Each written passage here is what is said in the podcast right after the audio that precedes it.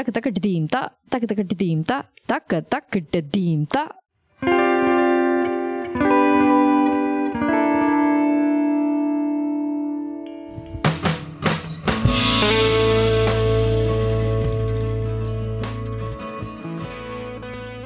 Hei og velkommen til Lær å lytte, podkasten der vi undersøker hvorfor vi liker musikken vi liker, og forhåpentligvis lærer å like noe mer musikk. Eh, Dagens episode er da siste fra det jeg spilte inn i fjor. Og etter det så blir det jo kun nye ting. Eh, Dagen den her kommer ut, har jo en episode booka allerede. Jeg har også en annen en booka til eh, nær framtid, men etter det så har jeg ingen planer, så kom gjerne med forslag for gjester dere har lyst til å høre, musikksjangre dere har lyst til å undersøke, eller ideer til rare ting vi kan ta opp i bonusepisodene annenhver uke, da. Og selvfølgelig da, følg oss på alle sosiale medieplattformer. Det er vel Instagram som er hovedkontoen, men også på Facebook. Og selvfølgelig abonner på der du hører på podkastene dine. Det prosjektet her skal jo opp og fram, og da er det viktig at eh, så mange som mulig abonnerer, slik at dere hører alt som kommer fra Lær- og lytterland. Dagens episode er da med Mira Tyrskjelvann. Hun er en mangfoldig musiker. Hun er fløytist, komponist og produsent. Kanskje mest kjent for Ni grader nord, og det er det vi snakker mest om i episoden. Musikksjangermessig så går vi da generelt inn på musikk fra den tamilske diaspora. Så jeg tenkte bare å forklare diaspora, for det er kanskje ikke alle som vet hva det betyr, men her er da definisjonen fra Store norske leksikon. Diaspora er opprinnelig en betegnelse på jødenes spredning blant andre nasjoner, men brukes i dag også om andre folkegrupper som bor fjernt fra sine opprinnelige hjemland, holder sammen og pleier sin opprinnelige kultur. Betegnelsen diaspora brukes både om stedet i diasporaen og om folkegruppen det gjelder. Så vi skal snakke om tamilsk diaspora. Da må jeg bare beklage litt for generell uttale underveis her. Det er ikke et språk jeg kan, men eh, Mira er selvfølgelig veldig flink til det. Så vi snakker jo litt om karnatisk musikk, som blir forklart, og Kollywood, som er da et tamilsk svar på Bollywood. Vi går litt inn på det å være en multikulturell musiker, og hvordan å bruke sin egen kultur uten å eksotifisere seg sjøl. Vi går litt inn på Mira sin produksjon og komposisjonsprosess, og litt rollen av det å være en produsent da, kontra en artist, og det å bli eh, anerkjent på riktig vis. Episoden er ganske dens, vi går litt inn i musikkteori og sånne ting, men vi forklarer ting ganske godt eh, underveis, så det blir veldig lite redigadrian. Eh, eneste jeg tenkte kanskje bare nevne litt up top, at vi nevner et par ganger uttrykket panning, eller da panorering egentlig på norsk. Og det er effekten av at man flytter en lydkilde til venstre eller til høyre i lydbildet. Så nå hører du med i ett øre, og så hører du med i det andre øret. Og nå springer jeg litt fra side til side, ikke sant? Så det er panorering, og da selvfølgelig i en musikkontekst så kan man plassere forskjellige instrument litt fra side til side, så vi går litt inn på det. Vi må også bare nevne lydkvaliteten bitte litt. Da Der var jo spilt inn rett etter at vi var på ferie i Canada, og alt podkastutstyret ble da forsvunnet i eh, bagasjen, så det var låst i Tyskland en plass, men jeg fikk låne utstyr fra søstera mi i Fortnea, så tusen takk til henne. Dessverre er jeg jo litt uvant med utstyret, så det er litt uh, rot uh, med lyden av og til, men uh, ikke noe stort. Jeg tror jeg greide å fikse det meste veldig fint. Ellers kan vi jo begynne å smelle i gang med episoden. Jeg vil bare anbefale folk å høre på spillelista som er knytta til episoden.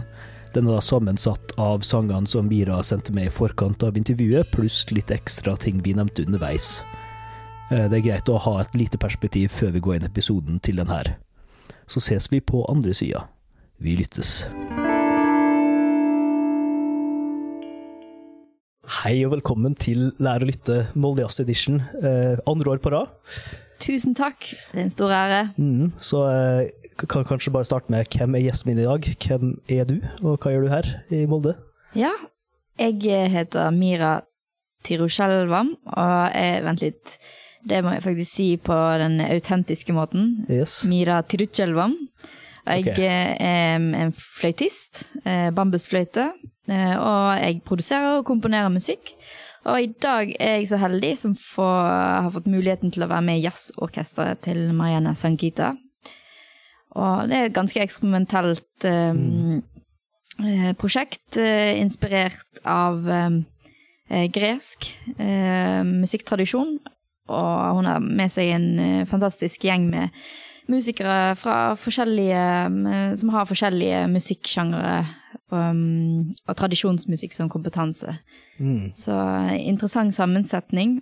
Eh, det er ikke alle som er um, har gått gjennom en sånn skolering eh, i musikk, så Ja. ja. Veldig, veldig fint prosjekt å få være med, da, som eh, musiker som meg. Ja. Jeg, eh, jeg er jo også en eh, selvlært musiker, vil jeg si. Um, min far eh, begynte jo å lære oss fløyte som barn. Um, jeg begynte kanskje i åtteårsalderen å spille Ja. fløyte. Uh, faren min har jo ikke aldri uh, vært noe særlig god på å spille fløyte, men han uh, er en mann med disiplin, så mm. da lærte vi oss å spille det grunnleggende med han da. Men han hadde jo ingen kompetanse til å kunne eh, videreføre eller å utvikle de, mer eh, avanserte Ja. detaljene ved kanadisk musikk. Så eh, helt siden vi har vært barn, har vi har det vært veldig mye fokus på å lytte til CD-er og transkribere selv, og finne detaljer og teknikker på egen hånd. Mm. Så det er på en måte starten på musikkarrieren. ja. Var det noe miljø i Bergen da, som eh, kunne hjelpe med litt ekstra faglig påfyll, eller måtte dere finne det meste av ressurser sjøl? Ja, det var jo et, et, miljø, sånn diaspora-miljø, eh, som har blitt mindre og mindre nå. Med, med noen musikklærere her og der. Um, vi gikk noen, tok noen timer, men uh, fikk veldig lite ut av det. Um, Det var i hovedsak bare et sted hvor uh, En type drop-in hvor foreldrene kunne la barna sine Eller få litt fri fra barna sine. Som, Ja. det var ikke helt på en måte et um, engasjerende eh, sted å være, da. Um, Men det er jo absolutt en stor fordel, har jeg sett i senere tid, å ha muligheten til å være i et miljø og bli inspirert av hverandre. Og jeg tror eh, min karriere hadde vært litt annerledes hvis jeg hadde hatt den inspirasjonen rundt meg eh, eh, litt hyppigere, oftere. ja. Mm. Det hadde kanskje vært litt mer um, utvanna, da, muligens, eller eh, du fikk kanskje muligheten til å være litt mer um, på ditt eget spor, da, når du eh, hadde litt mindre impulser utenfra, eller? Ja, absolutt. Ja, det er både positive og negative Ja. sider. Altså, det positive er jo ved å, at miljøet ikke var så stort, det er at man får muligheten til å eksperimentere. Um, um, og at kanskje konkurransen ikke er så stor. Mm. Det negative er jo at man får for lite impulser. Um, ja. Det kan bli litt kjedelig. ja, Ja. rett og slett. Ja, for det er noe med at når Sånn måten jeg på en måte fikk en bredere musikksjangerhorisont sjæl. Jeg starta egentlig bare som metalhead, ikke sant. Ja. Det var jo egentlig bare på musikklinja typ at folk spurte meg om å spille ting, og så sa jeg bare ja, uansett hva det var. Og så fant ut ja, men det her er jo litt gøy, da. Ja. Og så plutselig, plutselig sitter man der med en mastergrad i klassisk gitar og Ja. Ja. sånne ting, da, ikke sant. Så eh, det er jo også veldig fint med impulser utenfra. At man får eh, Man blir veldig brei, da, som gjør at vi kan drive en podkast som det her. ja. Mm. Tenker litt. Men eh, vi har liksom ikke like mye spesialiseringskunnskap, kanskje, på enkelte ting, da. Men eh, det er jo sånn som det er, holdt på å si. Det Nei, du har, du har rett i det, altså. Det, men, man, det er jo litt eh, Miljøene og impulsene du får i løpet av livet ditt, eh, er jo også med på å sette deg i en helt annen retning, et Ja. spor som kanskje dine evner tillater, og kanskje noen ganger, Ja. eh, i noen tilfeller. Altså. Er det noe? Eh, er det noe musikk du fant tidlig som kanskje satte på et eh, nytt spor, da? Sånn i, i din tidlige lytting, da? Eh, altså, I barndommen så har jeg lyttet mest til, um, til Collywood-musikk. Ja. Um, og det er det vi hørte på mest. Uh, Kan du forklare hva Collywood er, Ja. da, for oss uinnvidde? Ja, sånn som Bollywood er jo det vi ofte um, assosierer med India. Men Collywood er um, eh, også en stor filmindustri fra Chennai, altså Tamil Nadu, hvor det i hovedsak er tamilere for det meste tamilere som bor der. Så det som er interessant med Sri Lanka sin situasjon, som er en eh, øy utenfor India, er at uh, i etterkrigstiden um, og under krigen så var det veldig lite musikk som ble produsert fra tamilere. da. Så tamilere har ikke hatt så mange referanser å identifisere seg til da, eh, når det kommer til musikk. Um, mye av musikken var propagandamusikk. Um, hvis jeg skulle identifisere meg til noe tamilsk musikk fra Sri Lanka. Så eh, vår løsning der var jo å lytte til eh, Collywood fra India. Ja. Og det har vært identitetsskapende for mange minoritet, andregenerasjons eh, tamilske ungdommer og innvandrere. Så ja. ja. Og er musikk og dans en like stor del av Collywood-filmer som Bollywood-filmer, da, eller? Ja, det, det er en like stor del, ja. Uh, og det Ja.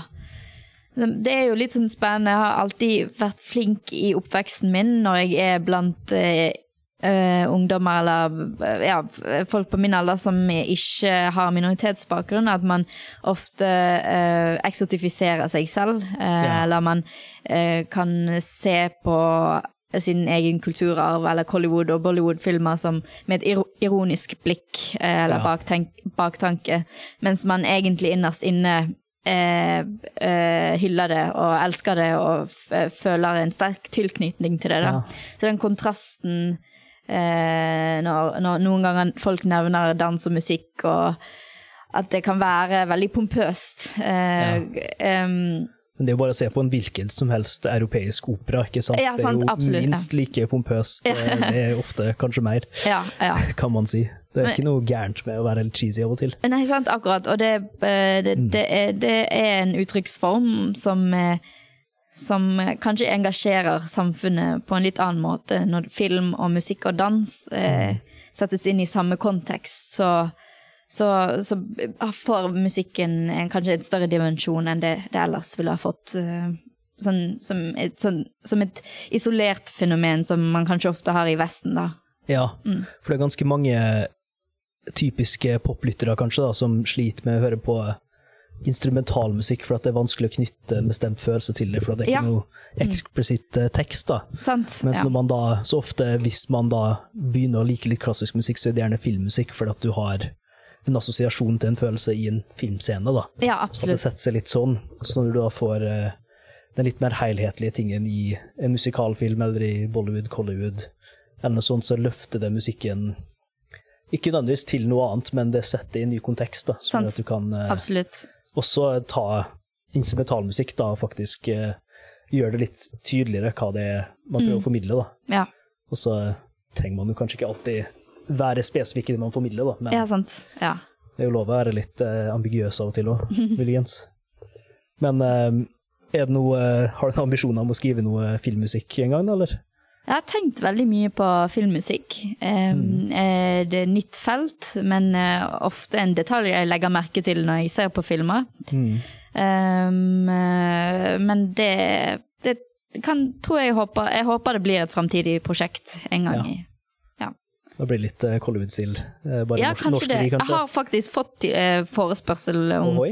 en film med å lage musikk til en film i Nord-India, men eh, jeg hadde for kort tidsramme Ja. til å kunne gjøre det, så Ja, det er vel ganske trange rammer der. ja, det Ja.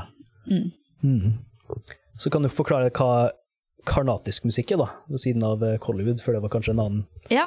Innflytelse, eller? Ja, kanatisk musikk er på en måte eh, Sør-Indias um, klassiske musikk, da. Um, som I Nord-India så har du um, hindustani, eh, og det er ofte kanskje det man hører til når man ofte går på YouTube for å høre på noe meditativt. Mens kanatik, uh, musikk er em, man, man bruker ofte de samme ragaene, de, de samme konseptene og teoriene, men, men, men den har en litt annen identitet. Ja. Em, Hva er en raga, da?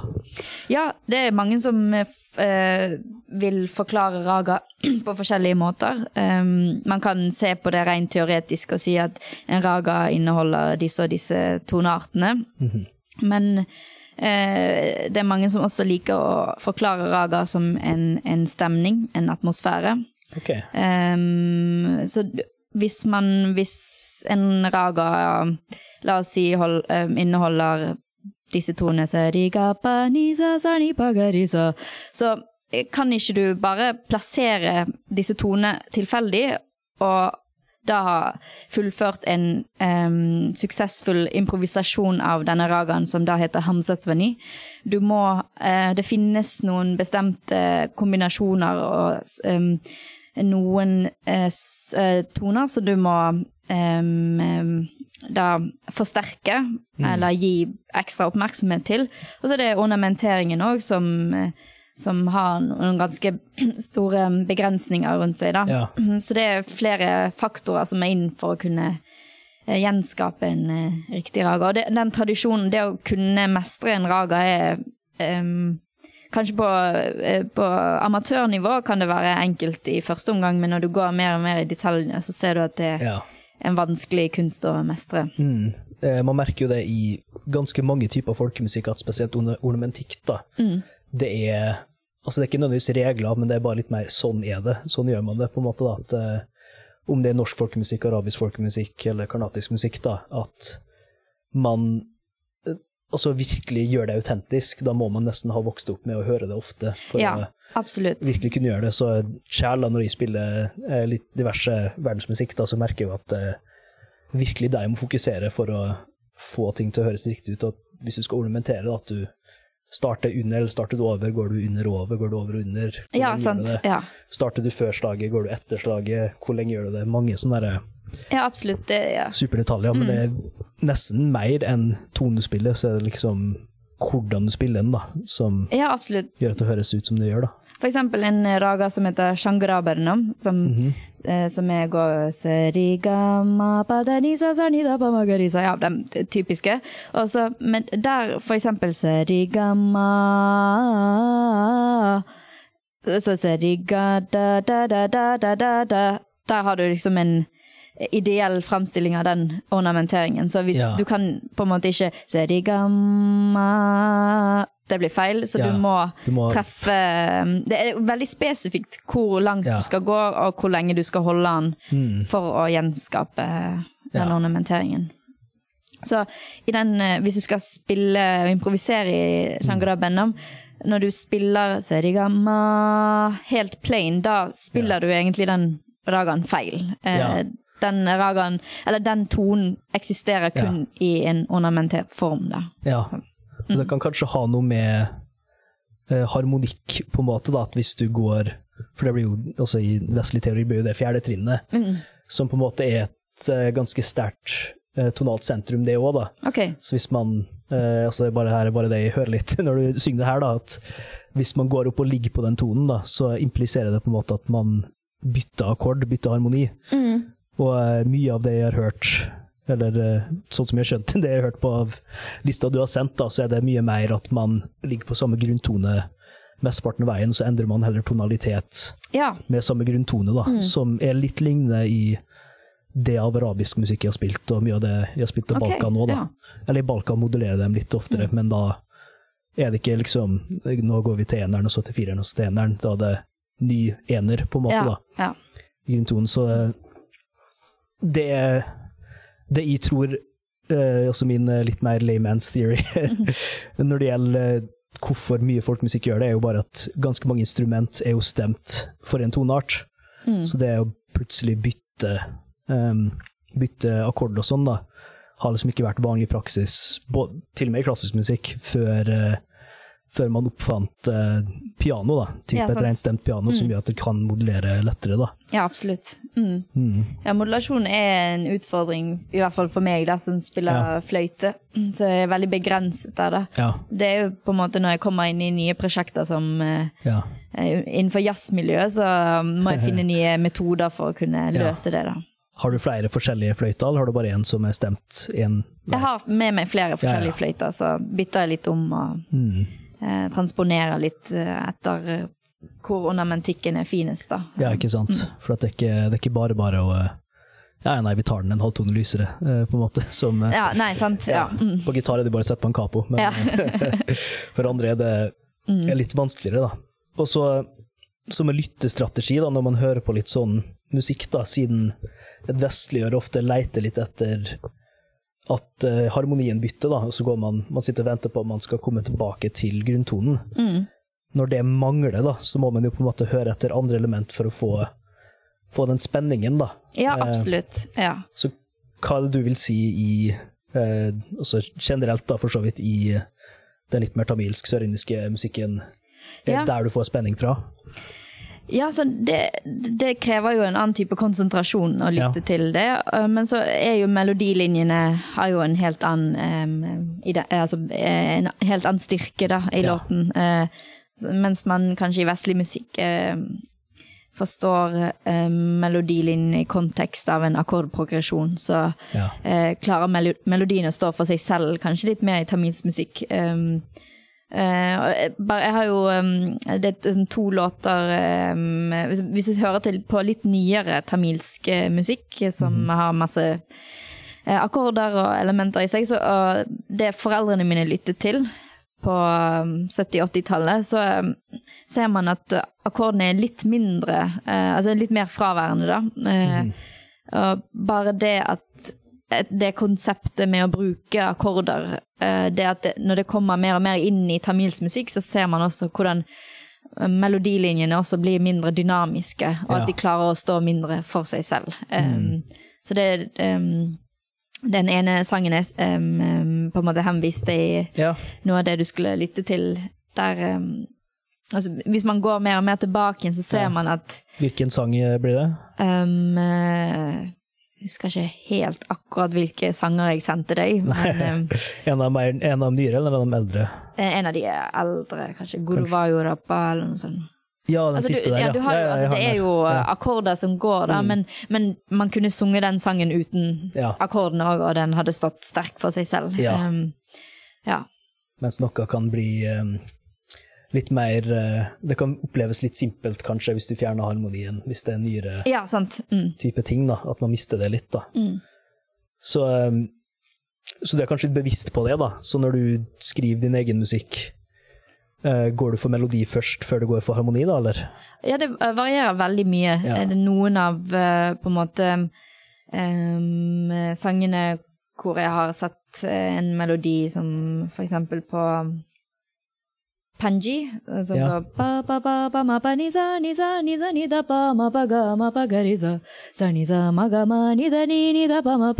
Så der har jeg eh, på en måte lagd eh, mm, melodilinjen først. Jeg ville utfordre meg til å på en måte sette akkordene Ja. rundt det. I Ja. andre tilfeller så er det motsatt. Mm, Den er veldig kul også med introen, at det er veldig sånn call and response, eh, ja, ja. og litt riff, eh, riffbasert også. Ja, sant, sant. Eh, Ja. Mm. Hører Ja. mye på rock og sånne ting, da. ja, jeg er jo Ja. eh, eh, tidligere emo-kid.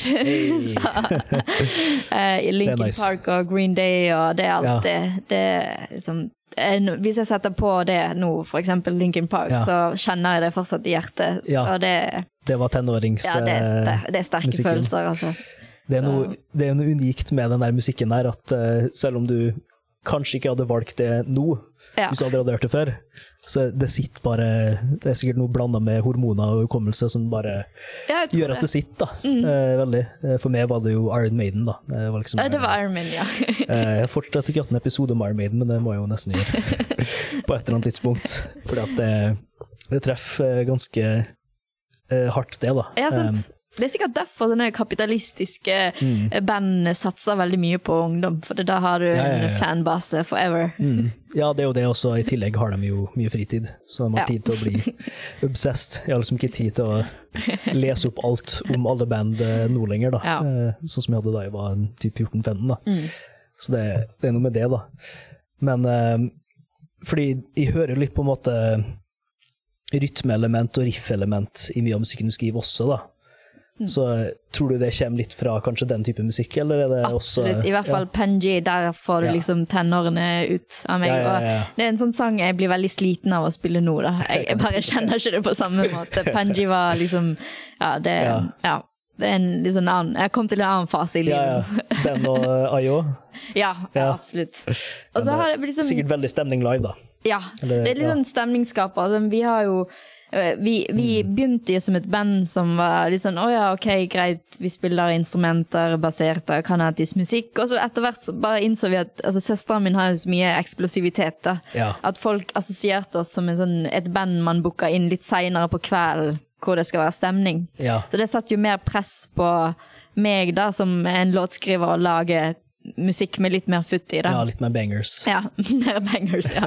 Så det, ja. Men det er jo Jeg er litt lei av det nå. For, Ja. ja. Så det er bare å kjenne Når vi har spilt sånne konserter flere dager på rad, Ja. så blir jeg litt sliten, rett og slett. Så hva er det du eh, Hvor er det du finner inspirasjonen fra nå, da? Altså, hva er det du finner inspirasjon i nå til Ja, det, det, du eh, spør et spørsmål i en veldig sånn sensitiv eh, periode. Jeg sliter Ja. litt med å finne inspirasjon for tiden. Ja, ikke det har vært uh, litt vanskelig. Jeg har fått skrivesperre helt. Ja. og ja. eh, nå er jo det jeg, jeg prøver å finne Lage musikk som ligger i behag, en behagelig puls, da, for meg. Ja. Um, um, og jeg har um, altså, mye av Altså, jeg er jo ikke en skolert em, musiker, da, så um, måten jeg skriver musikk på, er Jeg bruker masse programvarer. Altså, jeg jobber i Cubase, og Ja. jeg eh, sitter og spiller forskjellige instrumenter og lager et komp og arrangerer musikken på denne måten. Så jeg er veldig avhengig av å lage hele atmosfæren, lydbildet og sounddesignet, alt for Ja. å forstå hvordan Har du litt en følelse i tankene først, kanskje? nesten? Ja, det er absolutt en følelse og en stemning som må gjenskapes. Mange mener at det er veldig kontrollerende av meg å, å på en måte lage ferdig, eh, Ja. eller komponere ferdig en låt, og til og med eh, til en viss grad har ha mikset det litt ferdig òg. Ja. Det er jo egentlig negativt på mange måter, og det engasjerer jo ikke bandmedlemmer og kollegaer kollegaer du jobber med. Men um, for meg så er det såpass viktig å kunne høre Ja. ideen ut, da. For uh, å vite om det fungerer eller ikke. Det er jo sånn alle, ikke alle for så vidt, men de aller fleste klassiske komponister jobber også, ikke sant? Mm.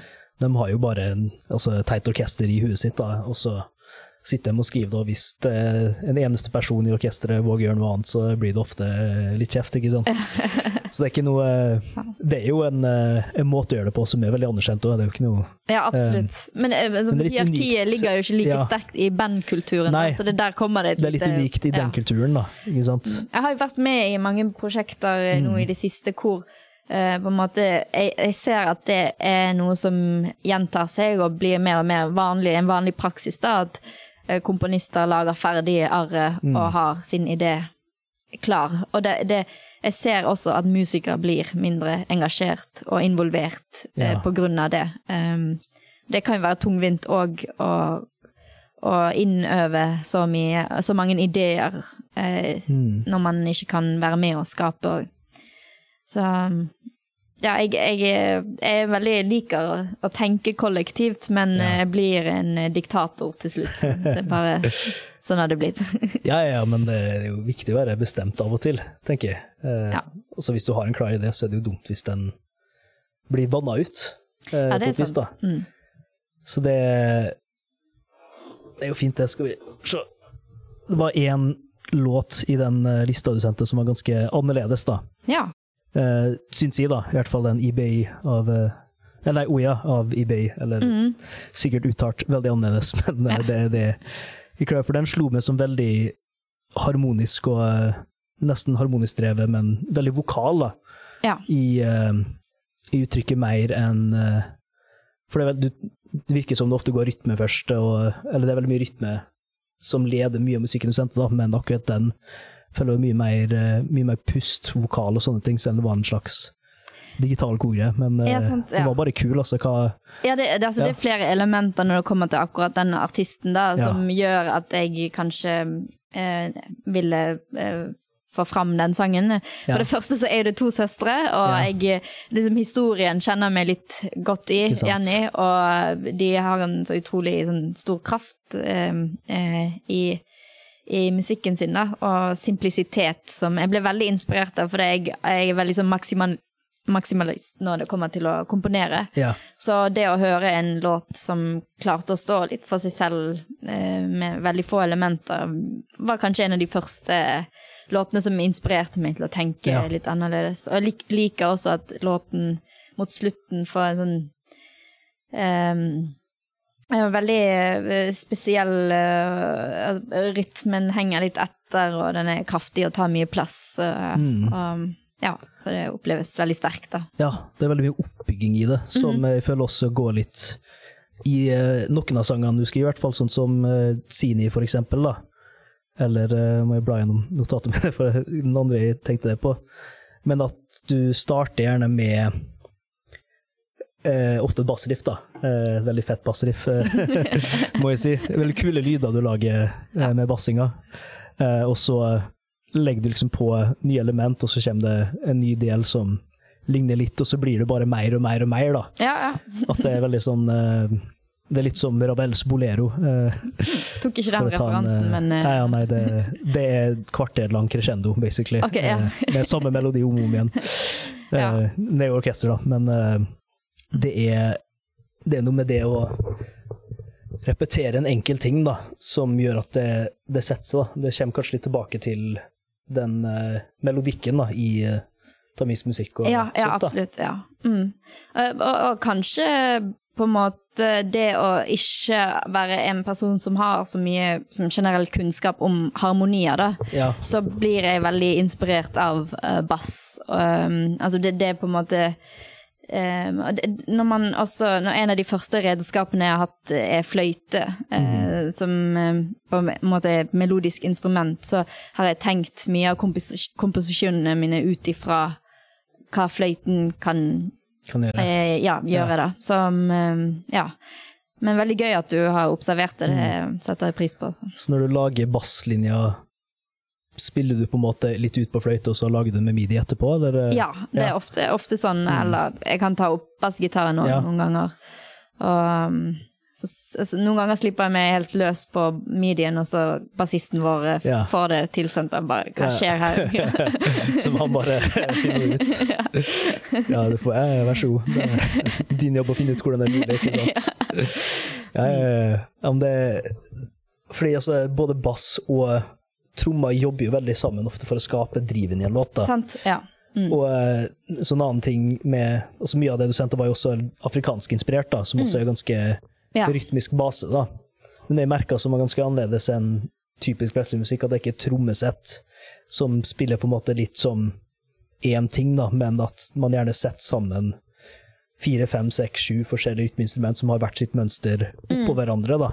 Ja. Så spesielt i afrikansk musikk, da, så får du jo eh, nesten bare et teppe av forskjellige lyder. ja, Så kan du liksom sitte og lytte og plukke ut forskjellige rytmer her og der, da. Mm. Ja. Um, Ja, for jeg er på en måte et, et, altså, trom, eh, Trommesett er ikke det jeg har lyttet så mye til som, eh, som i barndommen, da. Eh, Og når jeg programmerer rytmer, så elsker jeg å bare ta, sette lag på lag. Og, Ja. um, så det ja, Det er så mange detaljer som eh, ligger der, og som i hvert fall eh, Man kan skape helt utrolige bevegelser eh, på det.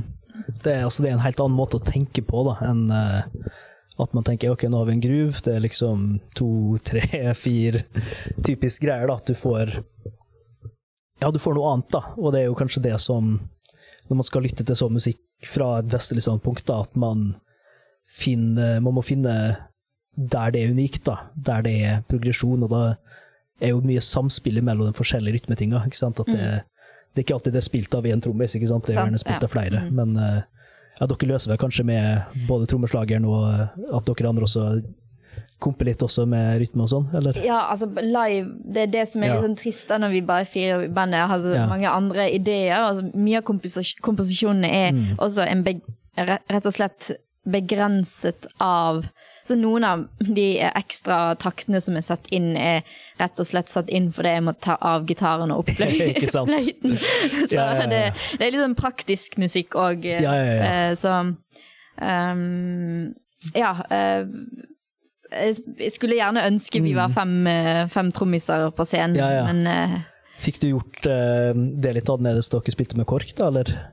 Eh, ja, da hadde vi det, Vi hadde jo altså, det var, Jeg vil ikke si det var verdens mest rytmiske gig jeg noensinne har hatt, da, på grunn av Det er lov å si om, ja, om klassiske musikere, det. Ja, det er sant. Ja. Ja. Var litt sånn uh, Dra med seg et eh, tog, eh, og eh, litt sånn eh, utfordrende sang å spille sammen med KORK. Eh, Mm, Mye latency og ja. ja, vanskelig å Ja, Mm. så det var eh, Men eh, den gang du skriver filmmusikk, da, så kan du jo eh, få inn et helt uh, trommeband fra Marokko eller noe sånt, da, så putte dem litt inn i en egen kontekst, da, kanskje. ja, bra du gir meg tips der. Ja, ja, nei, det, du får det det er jo bare fantasien som setter grenser, er Ja, ikke det? Så det er jo dritfett, det. Så var det andre rytmeting.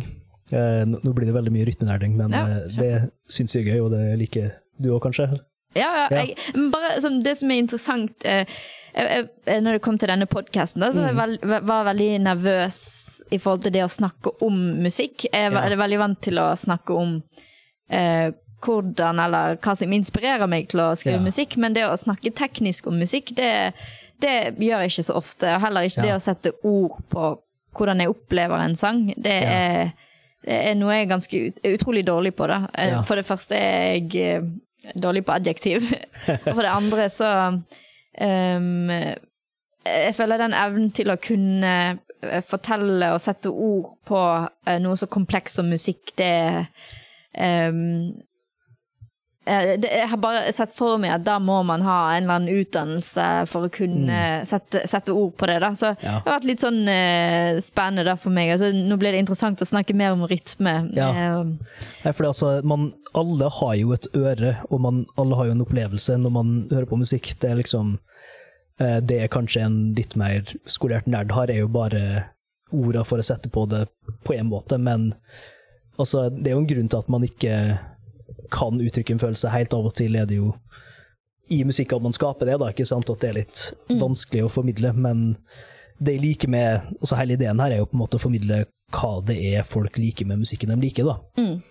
Og eh, det er jo akkurat det, da, at det er spennende. Også, spesielt for, eh, for oss som ikke er like vant med type indisk musikk og sånne ting. Ja, for oss er det bare litt nytt.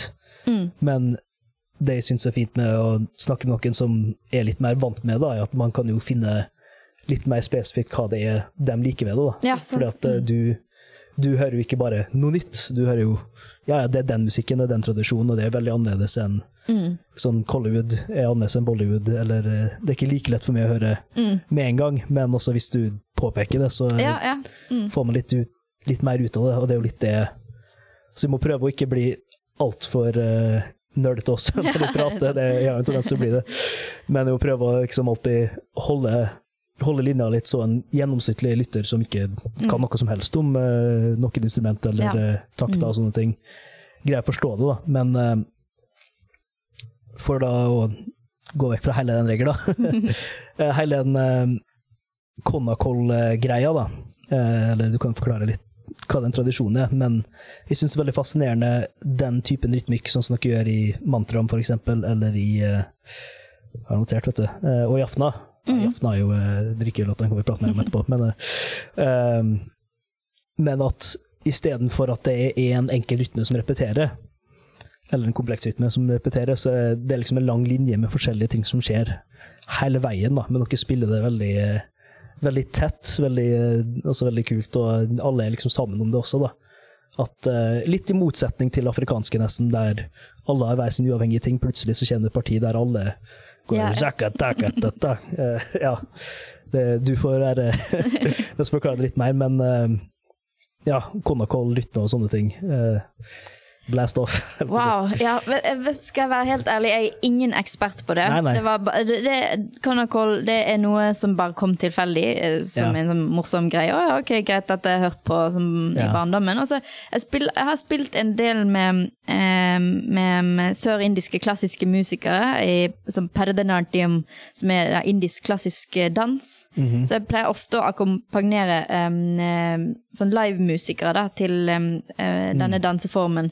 Og da er uh, eh, utrolig sånn, elementær da, for eh, Ja. danserne, for å kunne bevege seg. Ja, så den danse synkront med Ja, da, og det er helt altså, det, er, altså, det er en helt så, utrolig kunst å se på. Blir. Det er noe av det feteste jeg vet om. da, Å se dansere. em, eh, altså hvordan um, myrdangam, så da er en annen versjon av tabla, da, eh, kan, som har en litt annen Ja. eh, klang i seg. Altså en tromme, for Ja, eh, dem som tromme, ja. hører på. ja. uh, hvordan uh, dette instrumentet i sammenheng av da konakol eh, og dans Hvordan dette, eh, denne rytmikken da, eller Mm. Atmosfæren skapes, det er noe av det Og den greia med å um, artikulere ut rytmen med stavelser og sånne ting. Ja. Er det det som er konakol, eller er konakol hele kulturen igjen?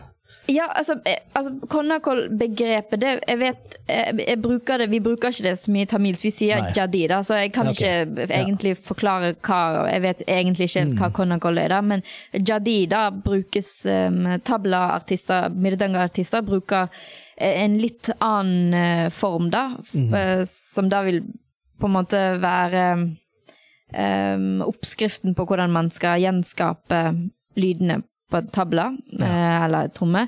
Mens dansere har en litt annen eh,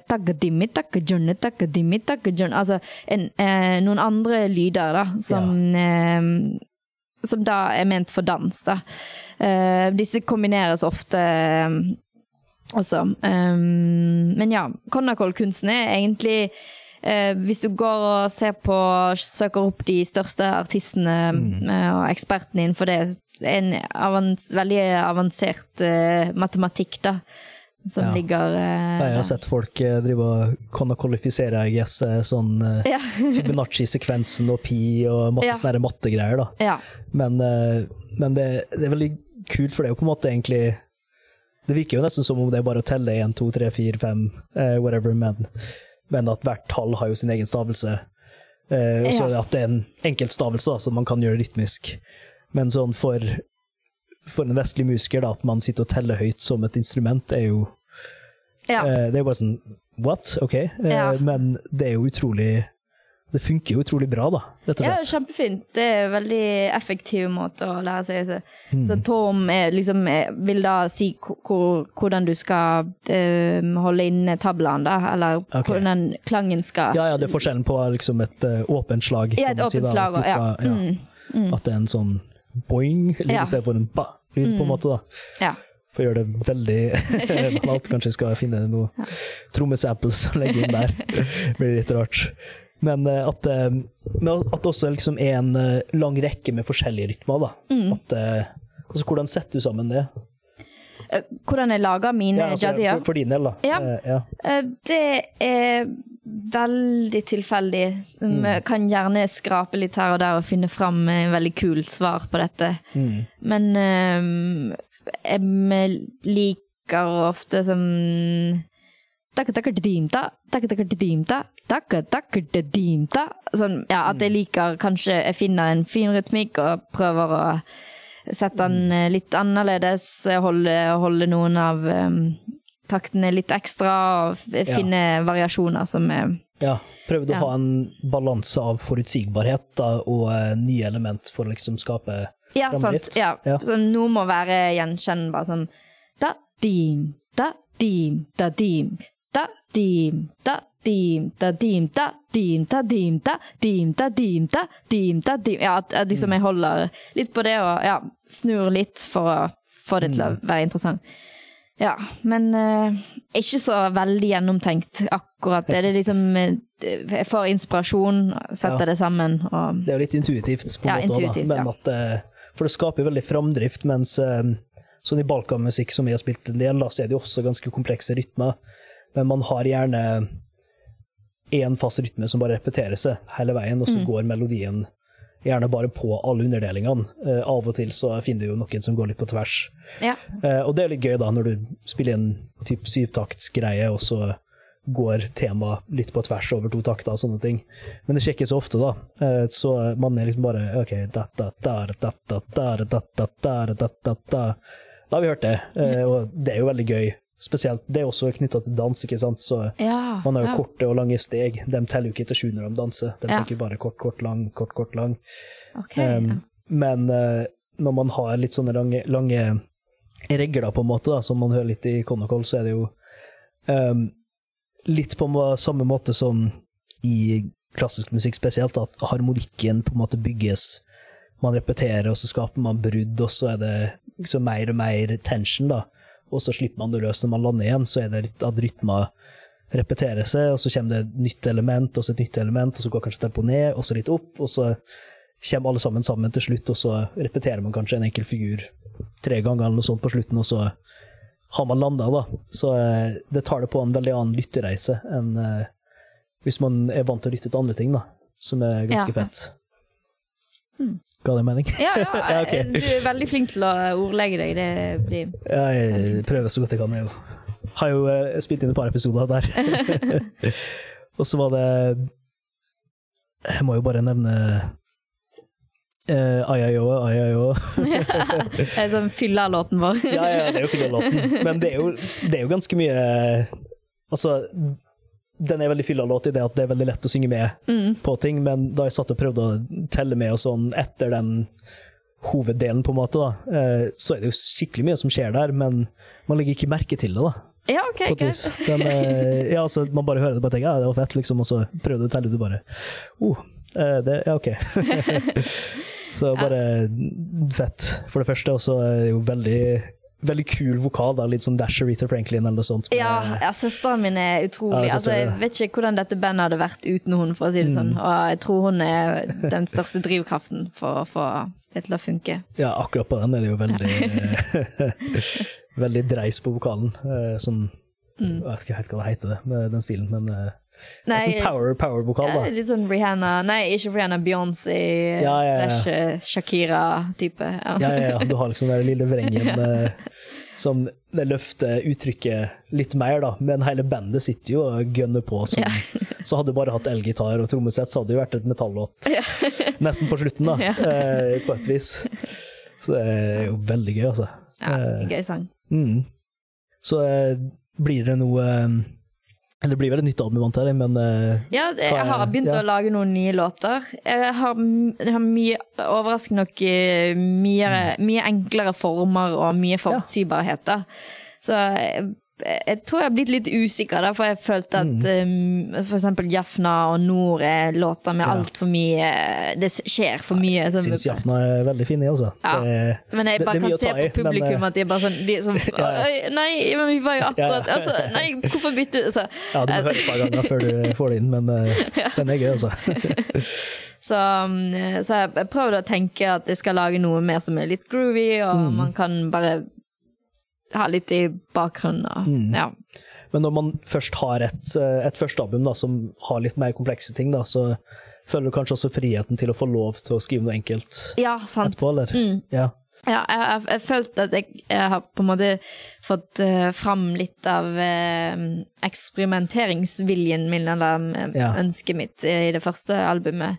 Um, på det andre så Kanskje jeg har fått eh, litt sånn negative impulser av å være litt i musikkbransjen, da. Og det å produsere musikk og komponere musikk. At jeg har på en måte fått litt impulser eh, som kanskje er litt negativt for meg, da. Ja. Fordi jeg prøver å tenke litt mer A4-struktur nå, da. Det er litt dumt, men jeg vil også teste det ut, da. ja, ja. Så jeg produserer jo musikk for en um, Goto Abeda, en etiopisk uh, artist. Um, eh, som nå har jeg lagd en, en, tre låter for han, som eh, har gått litt viral i Etiopia.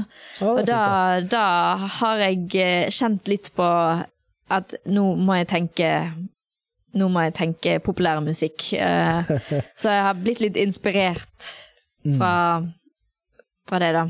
Um, jeg, er veldig sånn eh, Litt sånn nervøs på hvordan neste album blir, for å være helt ærlig. Ja. Ja, men det satser på at det blir fint. Men syns du det er veldig annerledes altså, Hvordan er det annerledes å um, produsere andre kontra å skrive sjøl, da? ja, det er en vanskelig følelse, eh, og jeg tror det er en, sånn- et generelt problem for produsenter og låtskrivere nå til dags, da, at man ofte er i bakgrunnen av artisten, og en artist kan ta, får veldig mye credits for noe de ikke har gjort selv, da. Um, selv om det ikke er tilfellet akkurat her, men, men um, um, man setter jo veldig mye av sjelen sin i å arrangere noe. Mm, man får ofte kanskje bare en melodilinje som ikke er helt ferdig utarbeidet, og så, Mm. så skal man plutselig eh, selv ta initiativet til å sette det inn i en kontekst og skape en atmosfære. Ja. Så det er mange som ikke forstår eh, arbeidet som ligger bak det. Så det, det å gi så mye av seg selv, men få lite tilbake igjen, det er en sånn ting jeg prøver å tilvenne meg, da, um, eh, som, eh, som produsent. Så. Ja. Mm. Syns det, blir det vanskelig av og til å bli enig om atmosfæren man får av den melodien du eventuelt får, da, eller? Ja, absolutt. Um, for jeg er jo ikke etiopisk, um, men, uh, så da er det um, um, det, det tar jo tid å, å, å forstå rytmikk, men det jeg har lagt merke til, er at uh, så lenge man ser at de som lytter til den musikken generelt, klarer å bevege seg eller danse til den Ja. sangen, da forstår man at man gjør noe rett. da. Uh, Så det har vært på en måte den Så etiopisk musikk er jo det skuldrene. um, Ja. Så hvis de beveger på seg, da, da kjenner jeg at da, nå har jeg gjort noe rett her, da. Så. Ja, ja, så det er, ikke, det er ikke at beinet sitter tramper med, at skuldrene går opp Ja, ned? sant. Ja. Ha. Men det, det er spennende da, å lage musikk for uh, andre. Mm. Så jeg, jeg ønsker jo å gå litt i den retningen. Først og fremst fordi jeg liker å arrangere musikk, og nummer to er fordi det er rett og slett uh, altfor få kvinnelige produsenter i Ja, denne ja, verden her, så Amen, amen. alle, altså alle som har lyst til å lage musikk, burde lage musikk, Ja, tenker jeg. Mm. Og det, det er dumt hvis man føler at det er en barriere bare fordi man er kvinne, eller at man er utlending, eller at man ikke har en musikkutdanning, eller uansett Akkurat. hva det er. ikke sant? Mm. At, eh, for igjen, også alle ja, for så vidt ikke alle, det, det fins en diagnose, men uh, nesten alle kan høre på musikk og eh, like musikk, ikke sant? Okay. Og det er, jo, det er jo starten på å eventuelt lage noe, ikke sant? Hvis du, hvis du lærer å kjenne igjen det du liker, på en måte, så greier du å skape ting du liker, ikke sant? Og det er jo det viktigste mm. uh, der, da. Så derfor må man lære å lytte. Mhm. Så det Mic drop, boom. Så det, det er jo eh, det som er konseptet, da. Mm. Er det noe annet du vil, eh, vil nevne? Dele en artist du har hørt på i siste, eller et eller annet? Nei, altså Jeg har eh, prøvd å utfordre meg eh, veldig mye med å lytte til litt forskjellig musikk, da, men så Mm. ser jeg at det er noe spesielt med musikk fra Collywood. Da, og Ja. jeg vokste opp med E.R. Homan, jeg vet ikke om du kjenner til uh, han som har lagd uh, eksempel musikk til um, Slumdog Millionaire. Ah, ok. uh, ja. ja, jeg syns jeg har sett den, men uh, Ja, han er Sør-India, generelt Indias Ja. en av de største filmmusikere. Okay. Du burde sjekke ut musikken hans. eh. Will do, will do. Uh, så han har jo vært Jeg tror han er en stor inspirasjonskilde, og um, mange barn som vokste opp Jeg vet i hvert fall mange tamilere, da, eh, b- på 90-tallet, sånn som meg. Eh, jeg tror det har vært veldig viktig å kunne lytte til den musikken, for han er vel en av de som eh, som virkelig mestret det Altså det å kunne sette tamilske, eller ja, sørasiatiske følelser inn i eh, et landskap som eh, vi som da bor i Norge, kunne gjenkjenne oss i. Da. Så Ja. ja, noe er veldig inspirerende. Så jeg vil vel si at um, Ea Rauman uh, som musiker har betydd veldig mye for meg som barn. Uh, Ja, ok. mm. Mm. Og hva Altså, når du sier at det, det på en måte setter ting i et landskap som nordmenn kan skjønne, da, hva Ja, jeg Eh, tror faktisk ikke? Eller, ja. ja, ja, jeg, Skal ikke sette ord i kjeften din. Nei, nei, nei, nei, men jeg, jeg tror ikke Ja. det handler om at eh, nordmenn altså, Jeg ser at mine venner ikke digger den musikken på samme måte, Mm. men uh, akkurat når det kommer til hennes musikk, har jeg litt vanskeligheter med å forklare hvorfor jeg gjør det. Men eh, for eksempel den NBNB-sangen som eh, ligger der ute, Ja. er en av de sangene som jeg eh, Ja, den første der, ja. Ja. Ja, Det er en sånn sang som eh, Jeg er veldig nysgjerrig på om en som aldri har hørt på den sangen, føler de følelsene jeg føler når jeg lytter til den musikken, for jeg føler det er så utrolig sterkt. eh, Mm. um, med enkel produksjon. eh, Ja. det- liksom, man hører ideene, og det er det jeg lik, liker med f.eks. Richard Bona òg.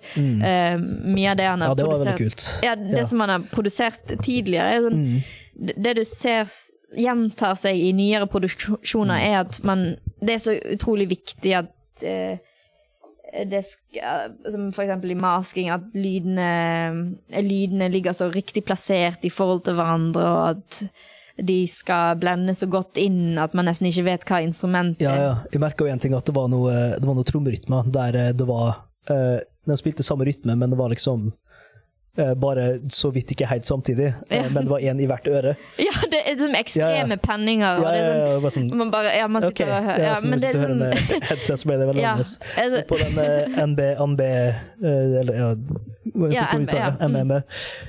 Det jeg skrev der, i hvert fall, hvis du vil høre liksom eh, Fra mitt øre, da. Eh, Det var litt vanskelig å finne følelsene dine, jeg skjønner jo ikke teksten, eh, eller noe sånt. da. Men det var litt sånn lengsel.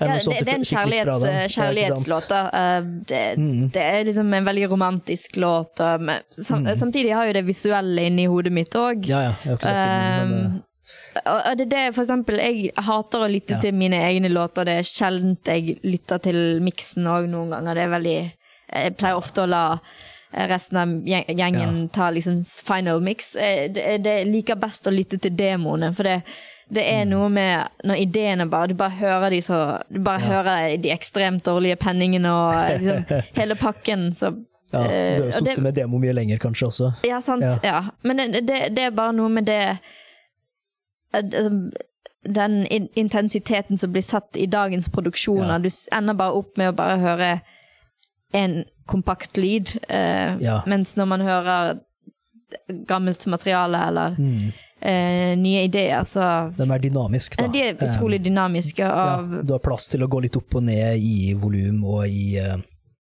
i tetthet, kan man kanskje si. da. Mm. At det er liksom eh, Av og til er det veldig mye som skjer, sånn som i den låta. da, at eh, Jeg har notert der også rik instrumentering. da, ikke sant, At det er ganske mange forskjellige instrument, men de spiller ikke alle samtidig. Ikke sant, Du har den sekkepipeaktige Mm. Ja. greia som bare spiller et mellomspill, og så den ute. Og så har du noen strengeinstrument litt videre. Ja. Men at, eh, at du liksom bytter Du bytter farge Mm. med instrumenter da, istedenfor å Istedenfor å ha at alt bare skjer samtidig, egentlig hele veien. For Mm. å altså, dominere over radioen er jo den triste kapitalistiske for, forklaringa på det. Men eh, eh, også med den låta som jeg syns var veldig gøy, da, var jo at eh, alle trommene og sånn, og ganske generelt i mye av den eh, indiske musikken er det at eh, alle tromminger har veldig klar pitch. ja. Ikke sant? Man, man stemmer jo trommer i jazz og i eh, vestlig musikk og sånn men det, det er ikke like tydelig at det er en pitch. ja. Mens her Mm. var liksom veldig det, Ja. ja. du må jo sikkert ha en tabla i riktig toneart, antar jeg. Akkurat. Ja. Mm. Mm. Og det, det bidrar jo også litt til at man ikke kan bytte harmoni så ofte, for da må du bytte hele trommesettet, ikke Mm. sant? Men det gjør at du kan sette det litt ned i det som skjer, da. I driften, liksom. Ok, her har vi en rytme som går. Hvis du zoomer litt inn på rytmen med øret ditt, da, så hører du at det er veldig mye forskjellig som skjer oppå hverandre. Og så er det jo nye element som kommer inn litt etter hvert, men det er ikke oppleves som veldig kompleks for min del, da, men det er kanskje litt enkelt når man har hørt det mye. da. Mm. Eh, også, eh, også der er det harmonikk, eh, er det også en grunntone, men det bytter heller skala. Ja. Mm. Ja det, fint. det, det er også noe han er utrolig dyktig på. eh, Ja. Altså vers og refreng. Liksom, det føles som de er fra hele, helt forskjellige landskap. Ja. Så jeg har alltid lurt litt på mellomspillet i mye av filmmusikken da, Mm. eh, fra India. Om det, har, eh, om det er drevet av at man skal bytte frame eller bilde, eller Ja. at man skal Om det er noe sånn scenografisk baktanke bak det, eller om det faktisk er musikalsk baktanke. Så det er sånn masse interessant der. ja, det er sikkert litt bedre å se det i filmscenen, da, for det gir jo kanskje det, det ene mellompartiet som er litt langt, eh, mer mening. da. Ja. Eh, Det er jo en sånn ting man, eh, man kanskje ikke tenker over eh, før man skal begynne å skrive filmmusikk sjøl. At Det er «Å, sant. shit, det her, er- den scenen er akkurat så lang, de går akkurat så langt. ja. Og det går ikke opp i en firetaktsfrase. Ok, da vi, skal vi legge inn et ekstra slag? Skal vi gå raskere? Skal vi Vi vet ikke. eh, Legge inn en ornamentikk som var litt for lenge, eller eh, Ja, sånn. litt forskjellige sånne ting, da. Men det er Det er liksom veldig repetitiv låt av den der, men Men det er bare fra utsiden, på en måte. Altså når du gnir litt, eh, glir litt inn i arrangementet, og sånn, og så hører du at det er nye ting som skjer hele tida, selv om samme formdelen kommer igjen og igjen. Ja, ja. Mm. Pluss at uh, vokalen er jo veldig fri oppå, da. Ja, sant, At, eh, akkurat. det er litt det melodiske du nevnte, da. Den, den kunne sikkert ha stått litt uh, sjæl også. Ja. At er veldig Ja. Han er, han er jo på en måte Han har jo mye kompetanse i kanatisk og hindustani-musikk. òg, så det som også er interessant, er at han tar mye inspirasjon fra disse ragaene. da Og det er veldig inspirerende å se hvordan han uh, klarer å bruke disse ragaene utenfor ragaen sin kontekst, men samtidig ikke være altfor fjern. Um, at han klarer å skape så mye sjel. Um, For det, ofte når du hører på en eh, klassisk musiker spille en raga, Ja. så føles improvisasjon altfor distansiert. Det er sånn uh, man, man klarer ikke Det treffer ikke hjertet. Men det som er eh, utrolig med denne kompon komponisten, er at han faktisk klarer å sette det i en helt annen ja. kontekst, og få folk til å forstå ragaen på en annen måte. Da. Ja. Det har jo kanskje noe med at man eh, man er vokst opp med det, da, ikke sant? At eh, det er jo samme med språk. At uh, om man uh, lærer et språk veldig tidlig, ikke sant, i barndommen, typ, så uh, har du som oftest ikke en aksent, mens hvis du lærer det i voksen alder, så har du en aksent, og mye av grunnen til det er jo at vi er jo født med kapasiteten til å lage og høre alle språklyder, men etter hvert som vi vokser opp, så mister vi alle vi ikke hører til daglig. Så hvis du da drar til en plass som har et språk med noen andre ordlyder som man ikke har i ditt morsmål, da, sant? så får man eh, Det som man ofte sier feil, da, er jo egentlig bare at du ikke hører forskjell på sj og sj, for eksempel, da, hvis du er norsk. Eller hvis man snakker eh, noen afrikanske språk der det er klikking og sånne. Ja, ja. At det er vanskelig å høre nyansene der, fordi at hjernen faktisk glemmer det. Da. Og det er litt samme med musikken, at hvis du ikke hvis du ikke har fått inn med morsmelka, på en måte, da, så får eh, noe av det mer subtile bli litt vanskelig å etterligne. Da. Mm, ja. Kontra at du sant, har sett på filmene og har hørt det hele veien. Da. Mm. ja. Mm. Det er veldig interessant som, eh, som en, en musiker som tilnærmer seg eh, eh, altså etnisk musikk, om man skal kalle det det, eh, fra et ståsted der jeg egentlig ikke kan noe om det. Så jeg prøver jo alltid å um, spørre folk som kan ting om det. Ok, er det her riktig, er det her riktig?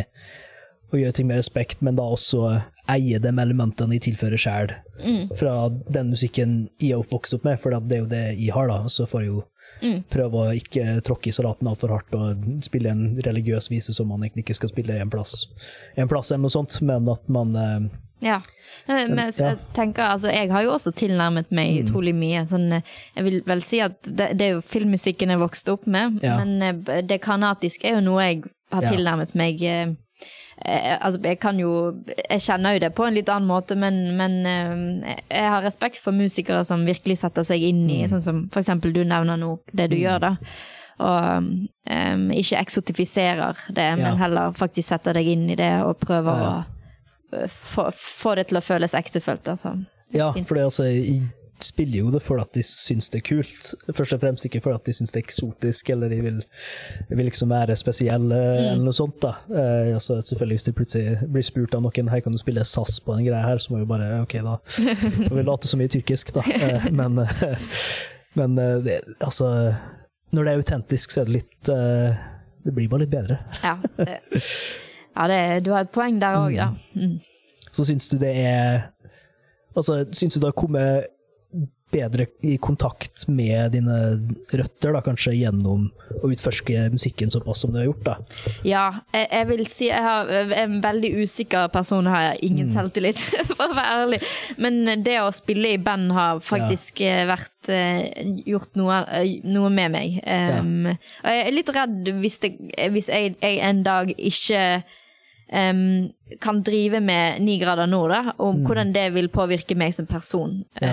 Uh, for uh, rett etter jeg begynte med ni grader nord, da har jeg uh, jeg har aldri vært så stolt av mitt språk eh, og min kultur. eh, Og jeg har følt at jeg kan få vise meg som en helhet på scenen da, når jeg opptrer. Så um, ja, det er som kjært barn. da. Mm. Så du er ikke nervøs når du er på scenen, på en måte? Det er nesten en styrke, eller? Jo, jeg er absolutt nervøs. Okay. Jeg er veldig nervøs. Ja. eh, Men, eh, eh, men jeg føler at jeg får vist hvem jeg er, da. Ja. Og det er viktig for meg. Ja. ja det er fine ord.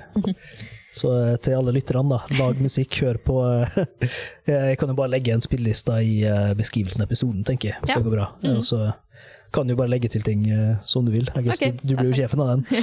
Um, er det noe, eh, noe ting du vil, du vil hype opp jeg guess, for framtida? Har du noe du vil promotere, eller noe sånt? Så jeg, Hjernen min sitter helt stille akkurat når jeg klarer ikke å komme på noe, Ja, ja. men Vi kan i hvert fall be folk sjekke ut uh, Nigøder Nord sitt første album, da, i Jafna, og eventuelle liveklipp og sånne ting på eh, YouTube, for at, uh, dere er jo ganske rå live òg.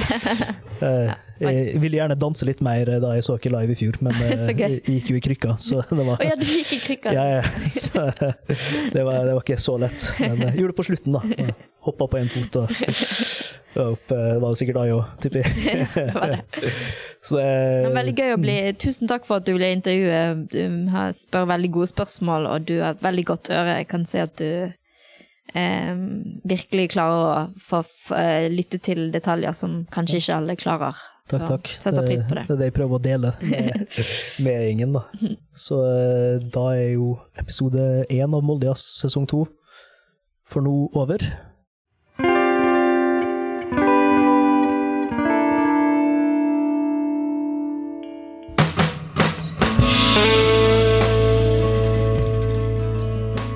Det var da intervjuet mitt med Mira Tursjelbaum. Tusen takk til hun som eh, stilte opp eh, midt i en hektisk eh, showdag med mye lydprøve og ekstra ting.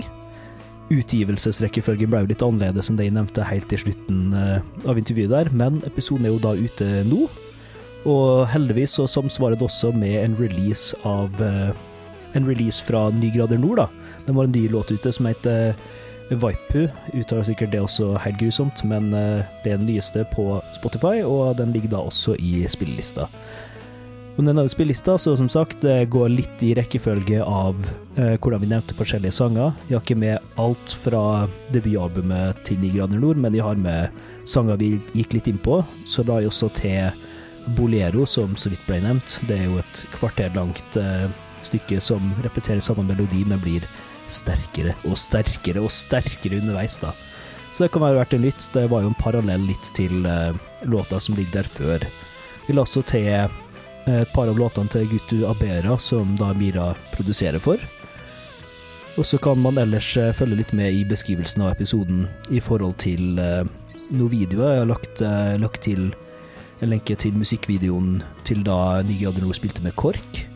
Nyeste sangen deres også. Og et par videoer av den danseformen som vi gikk inn på, eh, Barat Nattjam.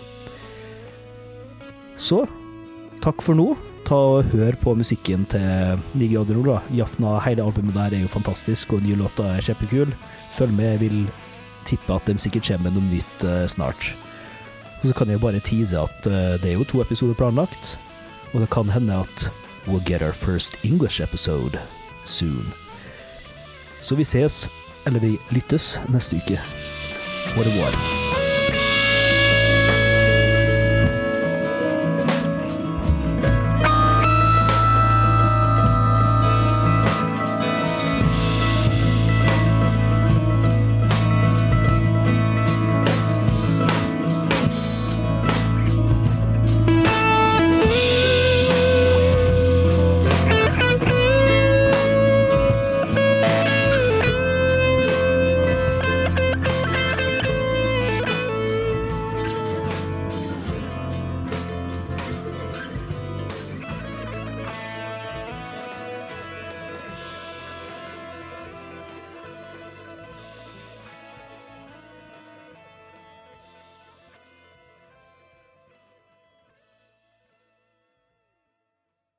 Takka takka dim ta, takka takka dim ta, takka takka dim ta.